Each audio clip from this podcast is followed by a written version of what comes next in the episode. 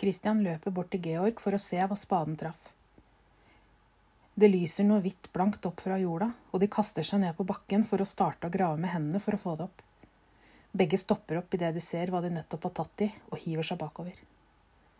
Et hode! skriker Georg mens han løper vekk for å kaste opp.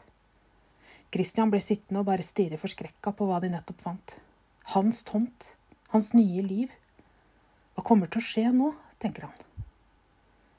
Mens han reiser seg forsiktig opp, kommer Jonna løpende og spør om hva de holder på med. Fritz er rett bak henne og løper bort til Georg for å forsikre seg om at det går bra. Det ble helt stille der de alle sto og tittet på skjelettet de nettopp fant. For det lå mer under hodet. En hel kropp, som hadde vært der i mange, mange år. Det kunne man lett se. Man så også at det var tøybiter av en kjole som satt fast nederst ved føttene. Skal du eller jeg fortelle, sier Jonna mens hun ser på Fritz. Fortelle, sier Christian i en frustrert tone. Hva snakker dere om, spør Georg. Har dere visst om dette hele tiden? Hvem er dette?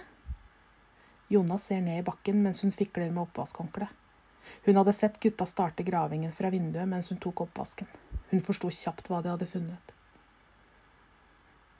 Fritz går frem til Jonna og tar henne i hånden, som en forsikring på at dette vil gå fint, mens han begynner å fortelle. Du skjønner, i begynnelsen, når jeg og din oldefar kom hit, Christian, så var det bare oss to.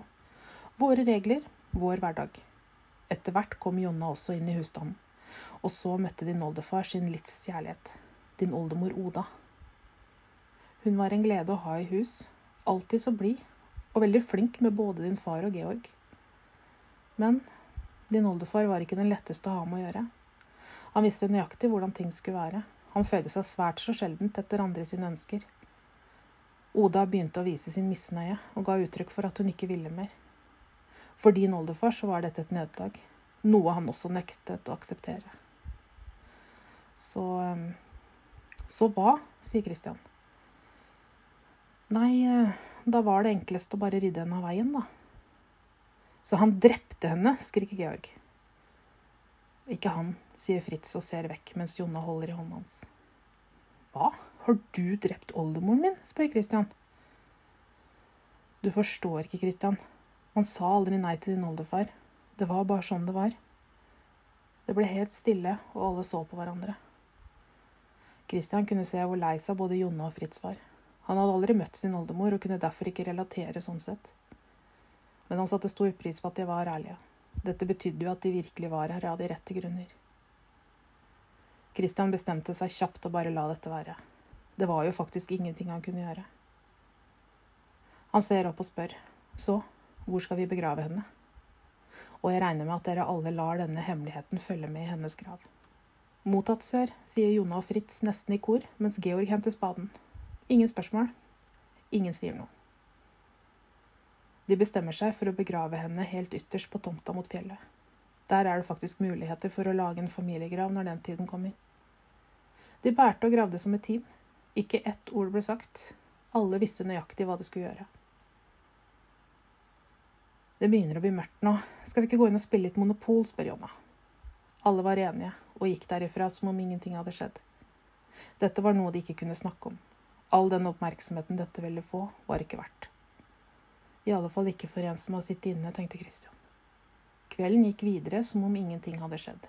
De spilte, spiste og hadde det like koselig som en helt vanlig lørdagskveld. Klokka begynte å nærme seg ett når de bestemte seg for å ta kvelden og Christian tok sin vanlige sjekk i huset mens han skrudde av diverse lys. Han hadde for vane å ta en ekstra titt ut når han var i ett og ett rom, for å forsikre seg om at det ikke var noen på utsiden. Han visste at han var paranoid, men han var redd. Han var redd for å plutselig ha noen av hans fiender i nærheten. Han gikk opp på badet sitt, skrudde av lyset og gikk inn til senga. Men på vei ut fra rommet syntes han at det rørte seg ved hekken ut mot fjellet. Han fryste til og ble bare stående og stirre en stund. Men han ristet det av seg og stupte i seng mens han sa til seg selv det har vært en ganske lang dag. På søndagsmorgen våknet han til lukten av egg og bacon. Jonna sto som vanlig på kjøkkenet og disket opp den mest fantastiske frokosten. Maten smakte ekstra godt i dag. Han var sulten. Mens han tygga på baconet, gikk han tilbake til tanken om å kanskje ha sett noe utenfor huset. Han var i tvil om å spørre for ikke virke paranoid, men måtte til slutt høre med de andre rundt bordet om de hadde sett eller hørt noe noe ingen av de hadde. Georg foreslo at du skulle sette opp både port og gjerde i dag. Selv om det var søndag, så var det ikke aktuelt å ta fri fra det som måtte gjøres før høsten sto for tur. Christian følte seg så heldig som hadde disse tre i livet sitt. De stilte aldri spørsmål ved ting. Det hjalp han, og de gjorde hverdagen lysere. Han ble nesten litt rørt over at Georg ville få opp porten i dag, for han visste hvor betryggende det ville være. Takk for mat, sa de i kor og satte i gang med arbeidet.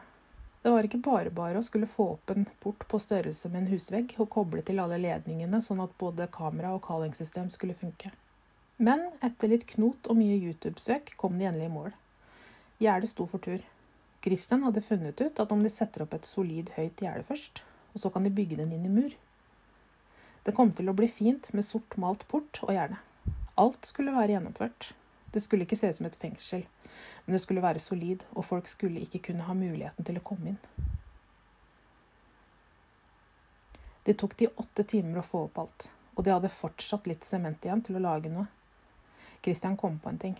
Han ville så gjerne at oldemor skulle få en verdig grav, så hva med å lage en gravstein til henne? Jonna og Fritz kom ut for å bli med på prosessen. De støpte gravsteinen, bygget en firkantet liten boks som de fylte, og lot den ligge for å bli tørr for at formen skulle sette seg. Jonna tegnet en solsikke øverst, ettersom dette var Oda sin favorittblomst. Det var ikke en typisk gravstøtte, men den var fin, og gjort på en annen måte. Akkurat sånn som denne lille familien var. Annerledes. Christian tar en ekstra runde rundt huset for å sjekke gjerdet, og å se bort på den plassen han mente at han hadde sett en bevegelse forrige kvelden. Georg, du kunne ikke ha blitt med bort og titta, spør han mens han følte seg som et barn alene på en mørk kveld. Det gikk bortover, og idet Georg titta over gjerdet, fikk han se en grein som lå på bakken, og litt lenger inne i skogen kunne det se ut som et utbrent bål. Men i alle dager, sier Christian og hopper over gjerdet. Her har jo noen campa. Jeg tror ikke du så synet, Christian, for her har det vært noen. Christian kjenner panikken komme, og pulsen øker. Men hvem?